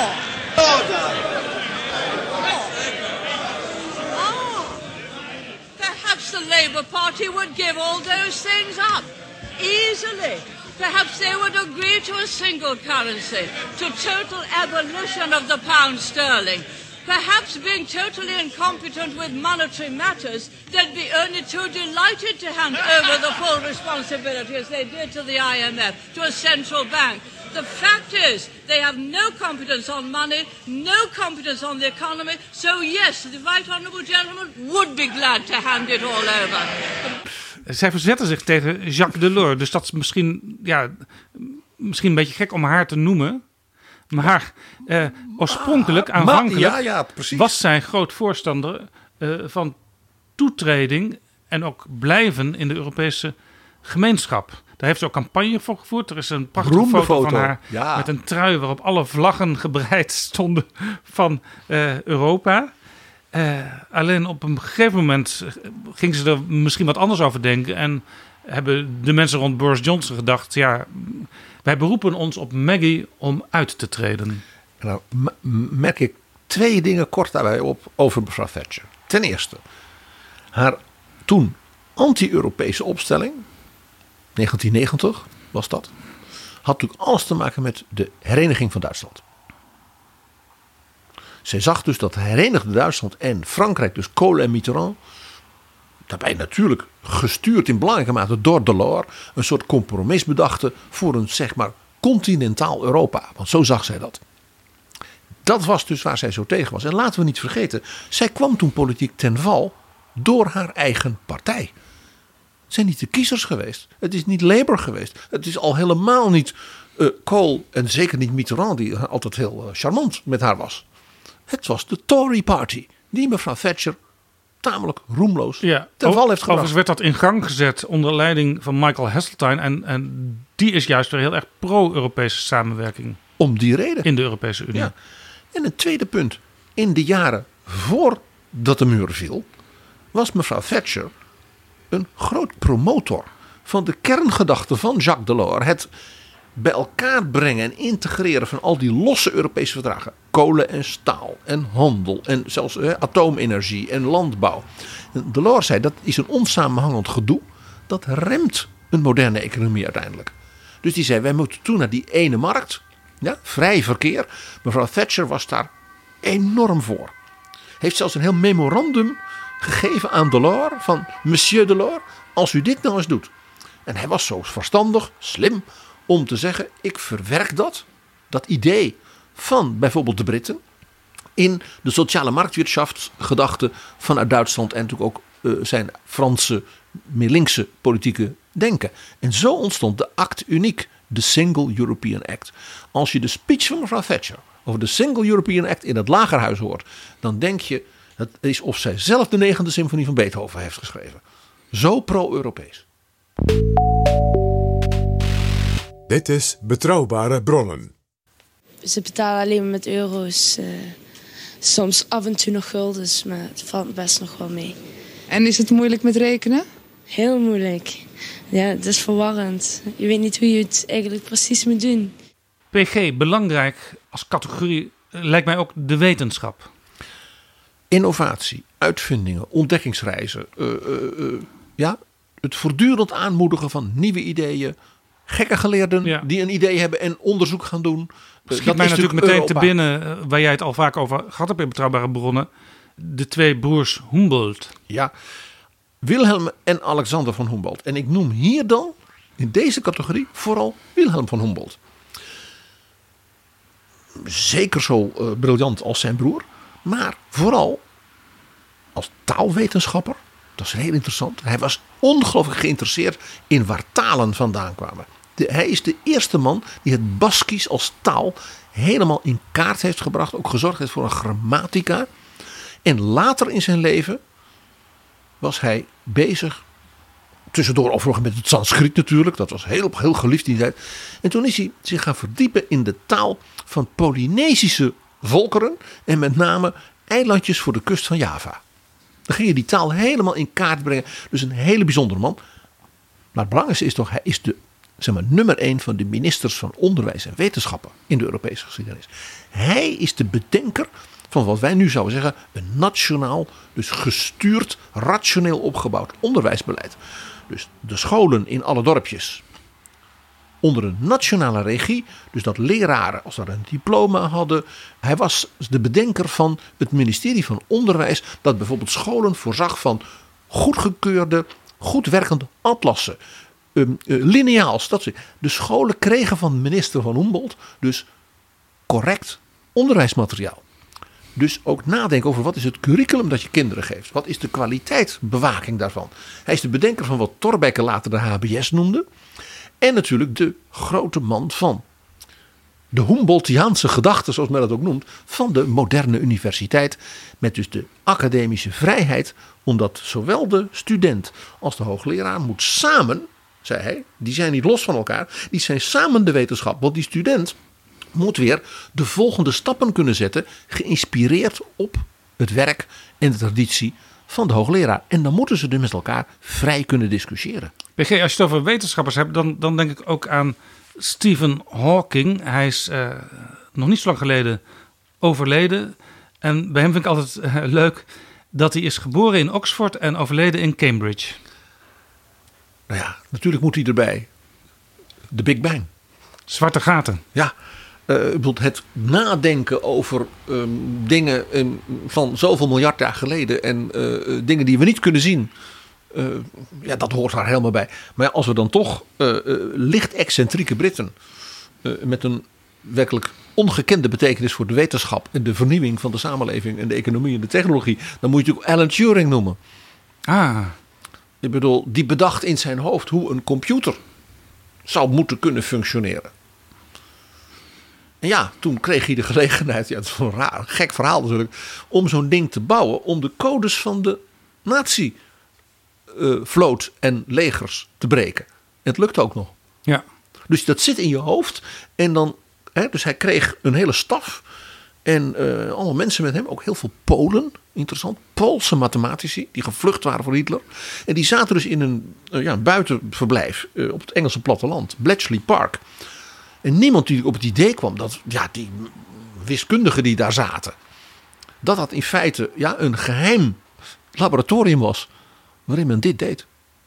Churchill is in de oorlog tot twee keer toe, bij alle drukte die hij had, op bezoek geweest bij deze jonge wetenschappers om hen te vertellen, tot hen door te laten dringen hoe ongelooflijk belangrijk het was wat zij deden. Niemand mocht weten zelfs dat hij erheen ging. Dus Alan Turing is, nou, hij is ook een filmheld geworden. Hè? We not only will fight on the beaches, but also in mathematics. In data. Ja. Uh, kijk naar die prachtige film The Imitation Game met Benedict Cumberbatch als Alan Turing. Maar vrouwen in de wetenschap, daar zijn geweldige voorbeelden ook weer. Want je, die moeten op uh, zo'n zo'n eurobiljet. Een moeder en een dochter. Uit Polen en Frankrijk. Marie Curie en Irene Curie. Die beide de Nobelprijs Ah, ja. voor de chemie hebben. Ja, ja, ja. Ik bedoel, dus, twee, dus een moeder en een dochter die alle twee de Nobelprijs haalden. Met, zat een tijdje tussen. Dat is natuurlijk uniek. En wat dacht je van Rita Levi Montalcini? Italiaanse. Grote Italiaanse wetenschapper. Eh, Net als Simone Weil. Iemand die Auschwitz overleefd heeft. En die door de Italiaanse president, vanwege haar grote ook morele gezag, is benoemd toen tot senator voor het leven. Is een uitzonderlijke distinctie in de Italiaanse samenleving. Ja, dat is interessant. Er is natuurlijk net eh, eh, tegen zijn zin voor een nieuwe periode de, de Italiaanse president benoemd. Wordt altijd gezegd, ja, die heeft niet zo heel veel te vertellen, maar hij is wel moreel van heel groot belang. En hij kan zijn moraliteit dus ook laten zien door benoemingen van belangrijke mensen als senator. En Rita Levi die, is, die nam ook echt deel aan debatten in de Senaat. Ja, zij was eh, eh, bij, bij bepaalde onderwerpen, bijvoorbeeld rondom de wetenschap, ook medische ethiek en dergelijke. eh, dan, ja, dan vroeg zij het woord en ja, zij kreeg het woord. Mag ik nog zo'n wetenschapper noemen die op latere leeftijd dus in het parlement kwam? En als hij het woord vroeg, dan kreeg hij het ook. En dan heb ik het over Andrei Sakharov. De, de, de vader, zou je kunnen zeggen, van de Russische waterstofbom. Ja, dat eh, voor, voor Stalin onmisbaar, zullen we maar zeggen. Hij hoefde ook niet in militaire dienst, hij hoefde niet onder de wapenen, omdat hij door moest gaan met uitvinden. Studeer jij maar goed door, jongen. Ja.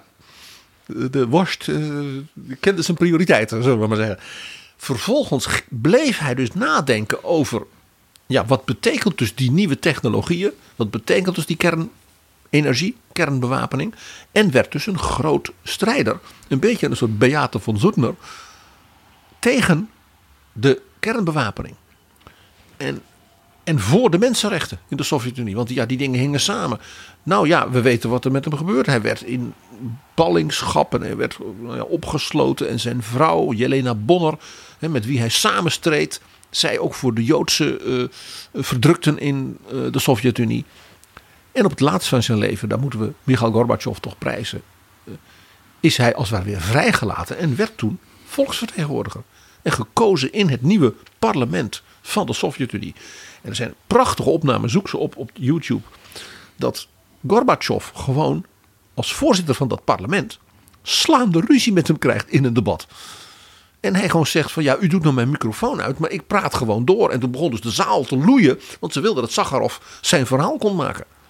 Dat zegt iets over wat voor autoriteit die man net als Rita Levi had. PG, jij noemde al Wilhelm von Humboldt. Je hebt natuurlijk ook zijn broer Alexander.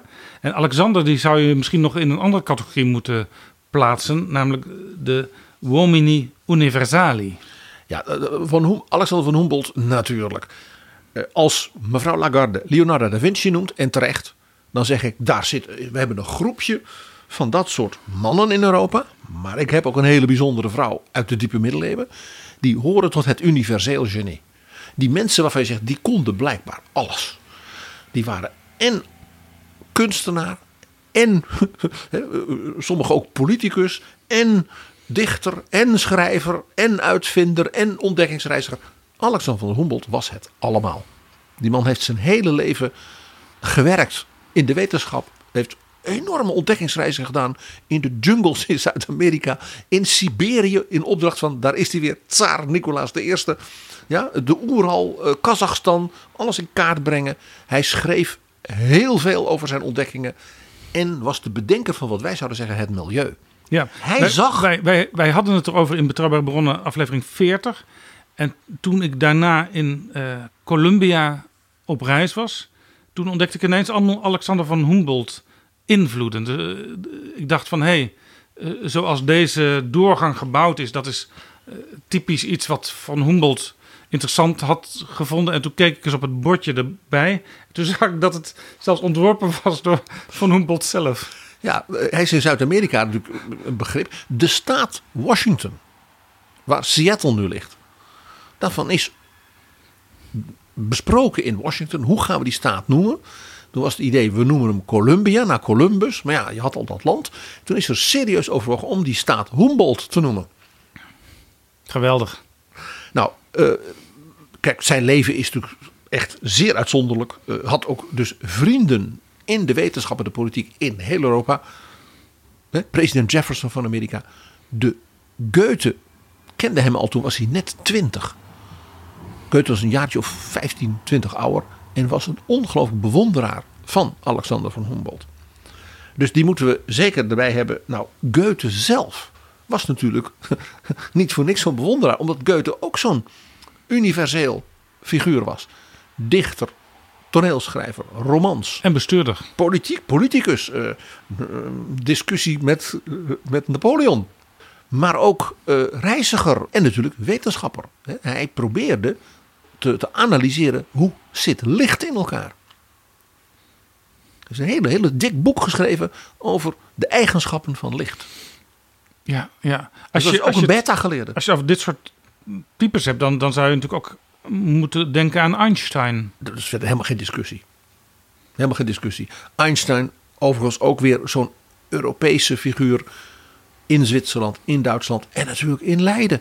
Er zijn in Leiden heel veel sporen van Einstein. Die was daar heel graag, deed er onderzoek, gaf er les en had heel veel vrienden onder de geleerden uit de hele wereld, met name ook in Leiden.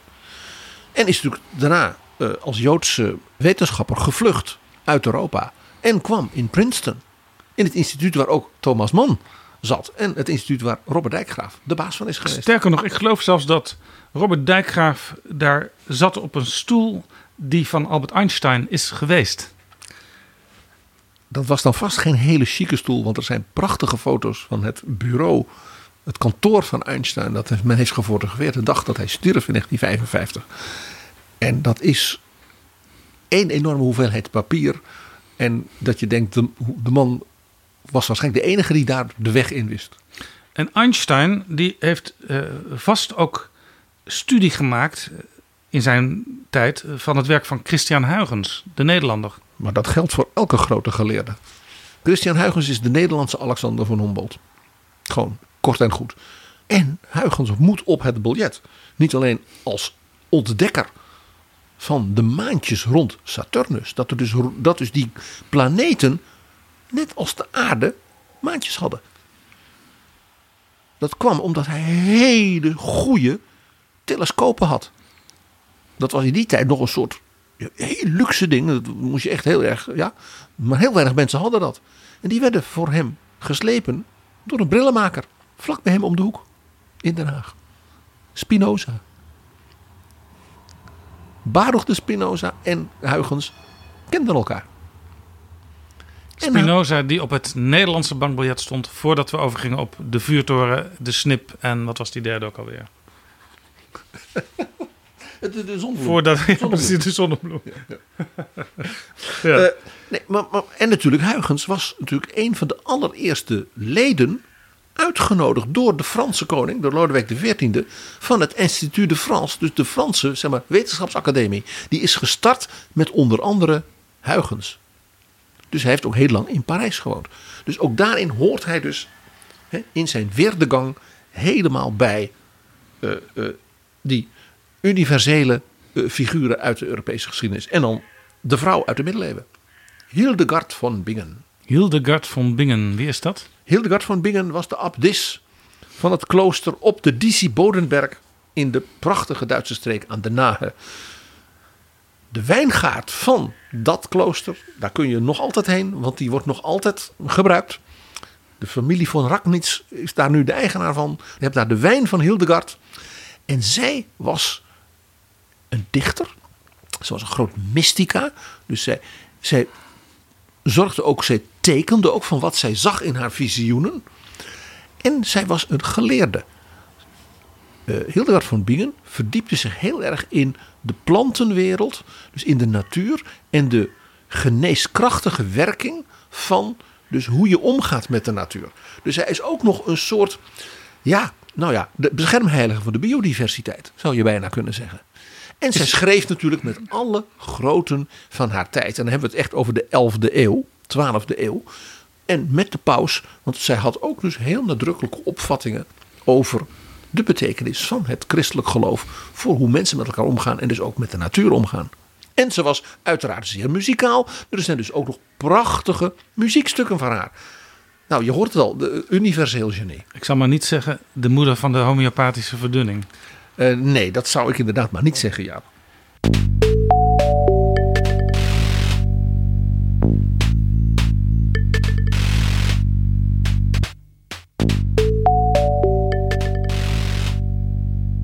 PG, we hebben het in deze aflevering over eh, de euro, de biljetten. Het betaalmiddel bestaat 20 jaar. Maar we hebben het eigenlijk nog helemaal niet gehad over uh, of we eigenlijk wel blij moeten zijn met die munt. Daar is in de loop van de jaren eh, af en toe door enkele politici wel aan getwijfeld. Er is ook altijd een discussie geweest over of het noorden en het zuiden wel aan elkaar geklonken kunnen worden. Maar Pieter Hazekamp van het Centraal Planbureau die heeft daar onlangs een rapport over gepresenteerd. Eh, wat het nut van de euro is voor Nederland. Oh, lekker Hollanders. Hebben we er wat aan? Eh, geeft het ons uh, onze boterham? Nou ja, echt Holland. Europa bestaat natuurlijk op verschillende niveaus. Je, je, hebt het Europees Parlement, maar je hebt ook de nationale parlementen. En in de nationale parlementen wordt er af en toe over gedebatteerd. Dat zou trouwens wel interessant kunnen zijn als het Europees Parlement er op 14 februari over spreekt dat bijvoorbeeld het Nederlands parlement, de Tweede Kamer of de Eerste Kamer, Alle die twee. wat groter beeld uh, heeft over dingen, wat langlopende beeld, uh, in die week ook over zouden praten. Of dat je een Hazekamp en een Klaas Knot en bijvoorbeeld mevrouw Lagarde uitnodigt voor een diepgaande discussie over wat hebben we die 20 jaar geleerd. Want een van de meest opvallende dingen vind ik van de euro is zijn vanzelfsprekendheid. Ja, Hazekamp heeft dus dat rapport uitgebracht. En hij heeft ook een stuk over geschreven in het Financiële Dagblad van eh, afgelopen zaterdag. En hij zegt Nederland is een van de landen die het meeste voordeel hebben van de frictieloze handel binnen de interne markt, waar dus die euro gekoppeld is. De Nederlandse uitvoer van goederen ligt door die samenwerking bijna 25% hoger. De uitvoer van diensten bijna 20%. En door die extra handel die hierdoor gegenereerd wordt, ligt ons bruto binnenlands product structureel ruim 3% hoger. Alleen Ierland, België, Luxemburg en een aantal recentere toetreders in Midden- en Oost-Europa, die genereren nog hogere handelsbaten. Wat zie je hier, Jaap? Luister even heel goed naar die landen die hij noemt. Dat is dus gewoon de Benelux. Nederland, België, Luxemburg. Die kleine landjes. Met een heel zeg maar, intensieve economie, dicht bevolkt enorme concentratie van vernuft. Ja, universiteiten, bedrijven, eh, wetenschappelijk onderzoek. Eh, ja. En op draaiplekken, ja, mainport en brainport van de wereld. En dat die landen natuurlijk optimaal baat hebben bij soepele connecties. Van de vanzelfsprekendheid ja, van dus die interne markt van Delors met de daarbij behorende monetaire gelijkheid dat is natuurlijk niet zo gek. Ierland vind ik dus ook een leuke, want Ierland hoort eigenlijk bij dus die andere landen die hij dus noemt. Dan denk ik aan de Baltische landen, maar ook aan Slowakije, Tsjechië en dergelijke. Ierland was toen het lid van de EU werd, in feite een beetje zo'n Oost-Europees land. Een land dat dus met een zeer achtergebleven economische structuur, een jonge bevolking, die als ze konden gaan studeren, dat vooral niet in Ierland deden. Die gingen naar Amerika of ze gingen naar Engeland. En met dat Ierland in de Europese Unie kwam, kon het zich als het ware ook met hulp van de Europese Unie en die nieuwe interne markt enorm opwerken als het ware. En is Ierland dus economisch zo, zo'n succes geworden. En dat is wat je ook ziet in de Baltische landen. Dat zie je in Slowakije, dat zie je in Tsjechië. En Pieter Haaskamp zegt er zijn nog veel meer voordelen aan die muntunie verbonden en aan die Europese economische samenwerking. Doordat wij samenwerken, zijn wij ook een regulatory superpower die wereldwijd standaarden bepaalt op terreinen als arbeidsomstandigheden, mededinging, productveiligheid, databescherming. Dus uh, als Europa uh, snel is met, met wetgeving, dus zeg maar met het omzetten van onze normen en waarden uh, in regels, en we gaan dan samenwerken met andere blokken in de wereld. Uh, Verenigde Staten, Canada, China, China, Rusland, noem maar op. Dan kan het wel zo zijn dat doordat zij zich aanpassen, wij ook weer een economische voorsprong erbij krijgen. En dat is zelfs iets wat je bijna niet kunt uitrekenen, maar wat er wel is. Nou ja, Uh, ja, we hadden het heel onlangs over het voorzitterschap van Frankrijk van de EU van dit half jaar. En dat heeft in zekere zin één groot thema. Dat is als wij als Europa niet gezamenlijk ja, onze lange termijn strategie ontwikkelen. Denk niet dat je als losse landen, dus ook niet het trotse Frankrijk of het machtige en rijke Duitsland, dat in je eentje nog kunt in de wereld van vandaag. Ja, dit is ook precies wat, wat Hazekamp concludeert in het Financiële Dagblad. Hij zegt: Een sterker Europa kan alleen tot stand komen als landen bereid zijn nationale bevoegdheden over te dragen en daarmee soevereiniteit in te leveren. Ik denk dan overigens, PG. Dan win je soevereiniteit. Die soevereiniteit leg je dus op Europees niveau. Maar die soevereiniteit is dan uh, vele malen sterker, misschien wel tientallen malen sterker, dan die nationale soevereiniteit binnen die nationale grenzen zou zijn. Nou ja, hoe soeverein ben je als klein Europees land tegenover, ik noem maar wat, de Poetin, als je dat zou moeten doen zonder je vrienden? Ik zei, er wordt wel eens getwijfeld aan het nut van de euro. Iemand die daar in Nederland altijd op, op, op tamboureert is Thierry Baudet. En die zat net in de Tweede Kamer toen Mario Draghi, de toenmalige bankpresident, in de Tweede Kamer op bezoek was.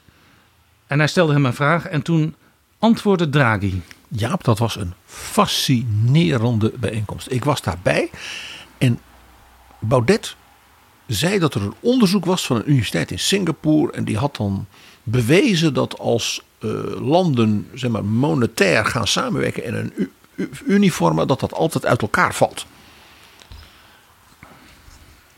En Mario Draghi die luisterde en die knikte. En kwam toen met drie punten. Het eerste was een recent onderzoek naar wat burgers vinden. Dus niet een universiteit in Singapore, maar wat burgers in Europa vinden.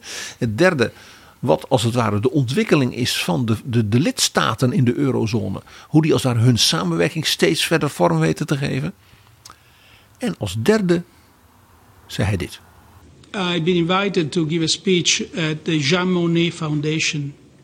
On that occasion, I had the opportunity to read some of his, uh, of his writings. In his view, there was no doubt that the sequence is single market, single currency, political union. And that's still the case. But is it tomorrow? No. When is it? We don't know. Why? Because you need to satisfy the two conditions, namely trust, trust in the compliance with the rules, trust in the compliance with the governance of the Eurozone, and convergence We can't have a union with divergent countries. Thank you. Dat was Mario Draghi. Uiteindelijk zegt hij dus: het gaat om vertrouwen. En dat was dus hem nog eens bewust geworden. door zich te verdiepen in het denkwerk en de publicatie van Jean Monnet. Dat hij zei: als je één markt ontwikkelt, hè, was met kolen en staal. dan zul je dus ook een gezamenlijke ja, rekenmethode moeten hebben. Dat is dus uiteindelijk een munt. En wil je dat hebben, dan zul je dus met elkaar politiek tot eensgezindheid moeten komen. En dat kan alleen met vertrouwen in elkaar. PG, eh, we hebben het nu bijna anderhalf uur over allerlei grote Europese namen die op de nieuwe bankbiljetten zouden eh, kunnen worden gezet. Uh, wat me toch wel verbaast van jou als opera- en muziekliefhebber is dat je helemaal niks uit die sector genoemd hebt. Je moet het, het beste voor het laatst bewaren, Jaap. Oh, je hebt nog een paar namen? Natuurlijk. Ik begin natuurlijk met drie componisten. Waarvan ik zeg, ja, dat zal toch echt moeten. En dat is dus niet alleen Ludwig van Beethoven vanwege het Europese volkslied op de tekst van Schiller. Mag ik er één noemen? Want daar zullen we Mark Rutte een enorm plezier mee doen. Die kwam niet voor niks met een biografie over hem op de Europese Raad, waar die eigenlijk helemaal niks wilde doen, behalve dan die biografie lezen. Frederik Chopin. Een Pool en een Fransman. En dan ook nog eh, bewonderd door de Nederlandse premier. Nou, kan niet missen. Natuurlijk Johann Sebastian Bach. En natuurlijk die kleine jongen die zo prachtig speelde in de balzaal van de Oranjes. De oude zaal van de Tweede Kamer. Wolfgang Amadeus Mozart. Mozart. Betrouwbare bronnen 43. Ik wil ook nog twee dirigenten noemen die echt staan voor de grote kwaliteit en traditie van de Europese muziek. Dat is natuurlijk Arturo Toscanini, de Italiaan, die voor het fascisme van Mussolini vluchtte naar Amerika. Daar met een heleboel ballingen uit Duitsland, Oostenrijk, want die allemaal gevlucht waren, een heel eigen orkest had. Daar enorm van belang is geweest dus voor het voortzetten van de Europese muziektraditie. En helemaal op het eind van zijn leven terug is gekomen naar Italië om naar de, de door de bommen beschadigde Scala in Milaan, naar de restauratie, het eerste concert daar te dirigeren. Als overwinning op het fascisme. Schiet mij te binnen dat Toscanini ook een Italiaans restaurant is in Amsterdam. Om de hoek bij de Herengracht waar Hans van Mierlo woonde. Die daar ook vaak ging eten. En zelfs ook zijn verjaardag vierde, Toscanini. En hij was de schoonvader van Vladimir Horowitz, de Russische pianist, zo bewonderd door Mark Rutte. En ik wil dan nog iemand noemen, ook uit Oost-Europa, de voormalig chef-dirigent van het Amsterdams Koninklijk Concertgebouworkest. Uit Letland, Maris Jansons, onlangs overleden. En ja, een icoon van de klassieke muziek. En dan vrouwen. Ja, Jaap. Maria Callas natuurlijk. Natuurlijk. De Griekse Amerikaanse Maria Callas.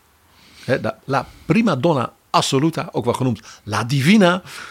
En Kirsten Vlakstad, de Noorse sopraan die ja, tot het allerbeste behoorde van, van de zang. De grote Wagner-sopraan ook vooral. Ik dacht al, waar, blijft, waar blijft Wagner? Uh, die met de Deen Laurits Malmergior ook wel het traumpaar werd genoemd. In opera's als Tristan en Isolde en De Ring en Parsifal en, en, ik, ik voel een, een, een, een, een fragment opkomen. Dat zou zomaar kunnen, ja. Maar jij noemt, jij wijst naar Richard Wagner. Dat doe ik natuurlijk zelden. Wagner is natuurlijk ook iemand voor een wat aparte categorie die ik tot slot wil suggereren. De categorie slechterikken. We zouden toch ook eurobiljetten moeten hebben waarbij je zegt, ja, onderdeel van de inspiratie van, de, van Europa is dat er nog ook een hoop minder mooie mensen in zaten. Nou die toch wel iets betekenden misschien voor toch een idee, PG, om, om voor deze categorie eh, die vijf, dat 500 euro biljet uh, weer herin te voeren. Want die biljetten werden in de praktijk vooral door criminelen gebruikt. De 500 euro biljetten met daarop het hoofd van Richard Wagner. Een groot kunstenaar, zonder enige twijfel, maar een buitengewoon onaangenaam en slecht mens. Heel veel slechte eigenschappen. Dan zouden we natuurlijk ook een biljet met Maximilien Robespierre kunnen doen. De grote vrijheidsstrijder van de Franse Revolutie. De, de, de, de, alles moest nieuw worden. Die wij nu met de guillotine associëren. De guillotine. Ik zou, zat te denken aan een biljet met de hele familie Borgia erop. de pauselijke familie die ook zo inspirerend was voor Machiavelli. Het waren Spanjaarden en Italië. Nou, dan heb je dus ook weer heel Europa. Toch ook, we noemden hem al eerder, Tsaar Nicolaas I. Het rolmodel van Vladimir Poetin. En natuurlijk het, ja, het, ik zeg maar het, het begrip in Europa voor een slechterik is natuurlijk keizer Nero. Dus ook hij zou zijn eigen eurobiljet moeten krijgen. PG, dankjewel voor al deze suggesties. En jij zei, um, ja, we gaan toch even luisteren. Ja. Waar gaan we naar luisteren? Naar Kirsten Vlakstad. En dat past, dat stukje fragment bij de gedachte van Christine Lagarde. Namelijk inspiratie, durf en we gaan iets nieuws proberen. Dus zij zingt met Laurits Melchior uit de proloog van Wagners Götterdämmerung, de schemering van de goden. In het duet Zu neuen Taten, naar nieuwe daden.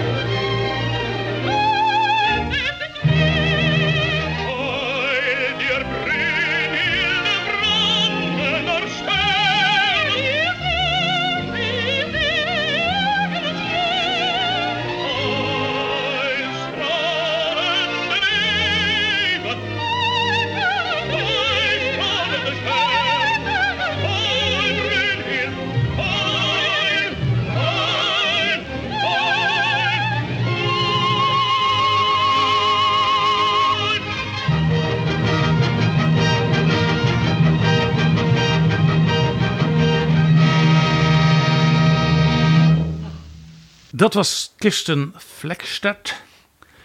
PG, eh, helemaal tot slot. Alice Twemlow, die zit dus voor Nederland in die werkgroep die gaat nadenken en gaat kijken wie er uiteindelijk op die eurobiljetten terecht zouden moeten komen. En hoe kunnen wij haar nou helpen, Jaap? Ja, want ze willen ook graag eh, suggesties van eh, burgers hebben. Nou, en wij zijn twee euroburgers, zou Ambteloos burgers die zich ermee bemoeien. Heel Europees is dat. Uh, maar uh, wij hebben de namen al genoemd. En j- jij vooral, PG. Laten we nu eens aan onze betrouwbare bronnen luisteraars vragen of zij misschien nog suggesties hebben. We hebben onze vrienden van de show, Jaap. Precies. En uh, via de site uh, vriendvandeshow.nl slash bb kun je ook, uh, als je vriend bent, reageren en zelfs inspreken. En dat is het allerleukste. Letterlijk inspreken. Zodat we je stem ook kunnen horen. En dan beloven we dat we de interessantste of leukste of inspirerendste suggesties ook laten horen de komende tijd in betrouwbare bronnen. Dus, waarde luisteraars van Betrouwbare Bronnen.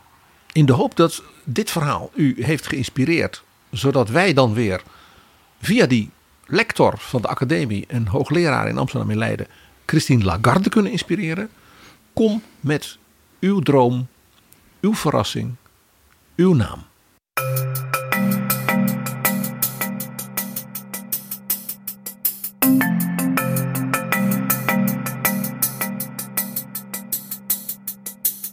Zo, dit was Betrouwbare Bronnen, aflevering 246. In de beschrijving van deze aflevering zitten links naar onder meer het NOS-journaal van 1 januari 2002, waaruit je enkele fragmenten hoorde. Deze aflevering is mede mogelijk gemaakt door de Europese Unie en natuurlijk ook door de vrienden van de show. Wil jij ons helpen met een donatie, een klein bedrag en zo vriend worden? Dat kan via vriendvandeshow.nl/slash bb. En de vrienden kunnen dus ook, PG benadrukt het nog een keer, reageren op de vraag: wie zou jij het liefst op de Europese bankbiljetten zien?